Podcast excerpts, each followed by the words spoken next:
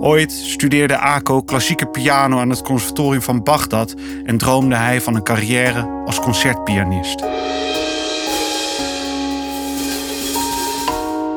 De balans is het belangrijkst, zegt de platinablonde Tatjana. Trappen kan iedere idioot.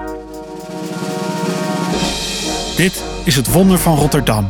Een podcastserie over mensen met bijzondere beroepen en een ijzeren inzet om hun stad mooier te maken. Ze zijn niet bekend, maar betoveren wel.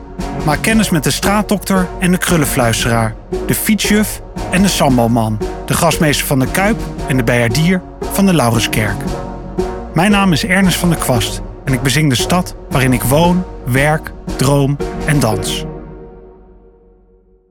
De pianist van Piek Fijn. Ik ken alleen het verhaal. Ik was er niet bij. Ik heb het niet gezien. Zo is het mij ter oren gekomen. Op een grijze, door de weekse dag wordt er een oude piano afgeleverd bij de kringloopwinkel Piekfijn aan de Mariniersweg. Het is een zwarte piano van het merk Gerald Edel. Niemand in de kringloopwinkel weet wat het instrument waard is en of de snaren nog goed zijn.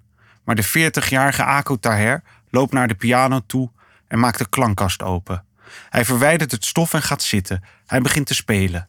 De mond van de filiaalleider valt het eerst open, de monden van de andere verkopers volgen. Ako Taher werkt nog niet zo lang bij Piekfijn. Hij heeft zijn baan te danken aan een reïntegratietraject van het gemeentelijke afvalverwerkingsbedrijf. Vier jaar lang werkte hij in een buurtserviceteam. Schoffelen, vegen, onkruid uitrukken. Tot zijn handen kapot gingen en zijn wil werd gebroken. Ooit studeerde Ako klassieke piano aan het conservatorium van Bagdad en droomde hij van een carrière als concertpianist. Dan breekt de Tweede Golfoorlog uit en moet hij vluchten. Hij zit in een vrachtauto, in een bus, hij zit op een paard, hij loopt en loopt en loopt. Dan is hij in Nederland in een asielzoekerscentrum in Rokanje. Er staat een piano, maar daar mag hij niet op spelen. Wel mag hij loodzware klusjes doen voor 25 gulden per week. Er gaan jaren voorbij. Om precies te zijn, er gaan tien jaar voorbij.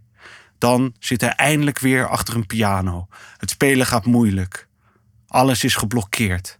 Hij meldt zich aan bij het conservatorium van Rotterdam, maar hij moet eerst zijn schulden afbetalen. Zo komt hij bij het buurtservice team terecht. Zo gaan zijn handen kapot. Zo breekt zijn wil. En zo komt hij uiteindelijk bij Piek Fijn terecht. De man die te paard de oorlog ontvluchtte. Die tien jaar geen piano speelde die het vuil van de straat raapte. Ik was er niet bij. Ik heb de monden niet zien openvallen. Ik heb de muziek niet gehoord. Debussy? Chopin? Was het Satie? Mensen raken betoverd door Ako Taher, ontroerd. De pianist van Piek Fijn wordt ontdekt door de radio. De kranten volgen. Er worden koffieconcerten georganiseerd. De concerten waar hij ooit van droomde. Weliswaar niet in de gouden zaal van de Wiener Muziekverein, maar tussen de meubels wasmachines en stofzuigers. Langzaam hield er een wond. Het wonder van Rotterdam. Ik heb Ako uh, een paar jaar geleden uh, voor het laatst gezien. Dat was een, uh, een gesprek dat we koffie dronken. en daar vertelde hij dat hij een concert in Carré had gegeven. En op de eerste rij zat de koning en de koningin. Uh, en hij mocht spelen in Carré, was ongelooflijk trots op. En hij vertelde waar hij, waar hij aan dacht uh, met de koning en koningin uh, forum. Hij vertelde dat hij in diezelfde stad in Amsterdam was aangekomen. voordat hij naar een AZC ging. En hij heeft die eerste nacht in Amsterdam heeft hij onder een brug geslapen. Daar dacht hij aan. En jaren later speelt hij in Carré, misschien de mooiste concertzaal van Nederland, voor de koning en de koningin. Dat vond ik zo prachtig. Uh, en intussen, uh, Ako kan leven van de muziek. Hij speelt, uh, geeft concerten. zijn handen zijn heel. En zijn wond is ook helemaal geheeld. De volgende ode, dat is aan, aan, een, aan een vrouw met een prachtige naam. Tatjana Wegelaar. platina blonde haren heeft ze. een geweldige glimlach. Ook wel een beetje streng. Maar misschien moet een, moet een juf dat zijn. Een fietsjuf. Ik, uh, ik bezocht haar op Rotterdam Zuid. Uh, eh, als, ik, als ik voor ouders, dan, dan loop ik altijd mee met mensen. Dat is soms een dag, dat is soms een paar uur. Uh, hoe lang ze mij ook een beetje verdragen. En ik moet heel erg observeren, moet heel erg kijken. En soms moet ik ontzettend veel vragen stellen. Maar bij Tatjana observeerde ik vooral. Ik vond het geweldig om te zien hoe zij met een, met een klasje van vrouwen met gele hesjes op door, door verschrikkelijke wind, want het waaide, uh, het, waaide hard. Uh, en dan gaf ze les. En ik dacht meteen ook aan mijn schoonmoeder, uh, een Italiaanse vrouw van, nou, de weegschaal kan het niet meer meten, dus in ieder geval meer dan 120 kilo. Ik vroeg me af, zou, zou ze het haar ook kunnen bijbrengen, fietsen? Maar Tatjana is van mening, iedereen kan het. En zij kan het aan iedereen leren.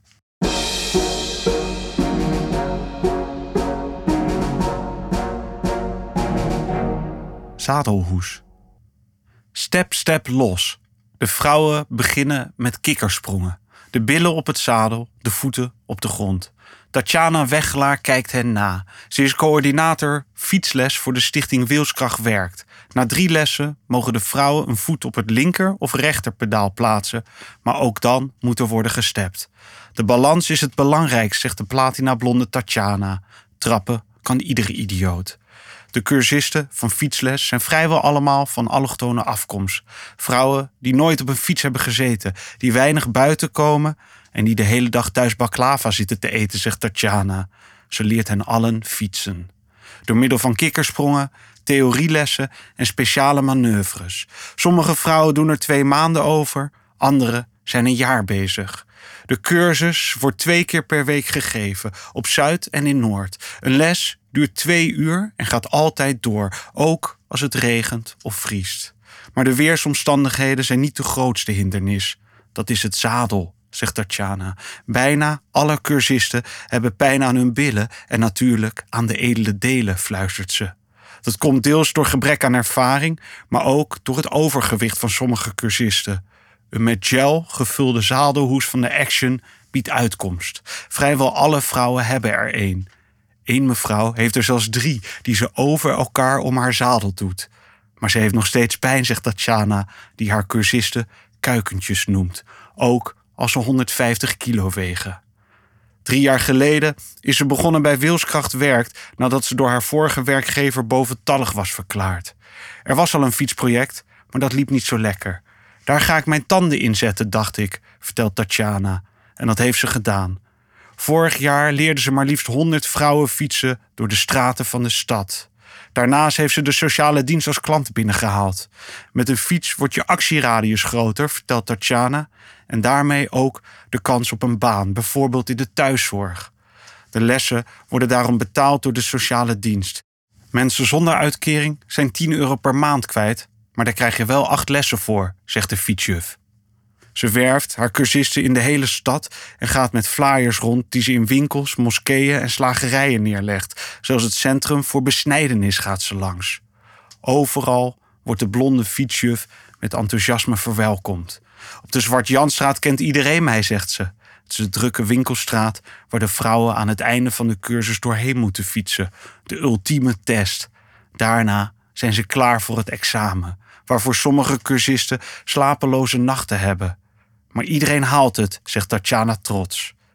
Het diploma geeft de vrouwen vertrouwen en zet aan tot meer. Je ziet dat ze ook andere cursussen gaan doen om een taal te leren of om met een computer te kunnen werken. Ik vraag of er nooit iets misgaat. Oh ja, wel hoor, antwoordt Tatjana. Ze botsen geregeld op elkaar of er valt weer een vrouw van haar fiets.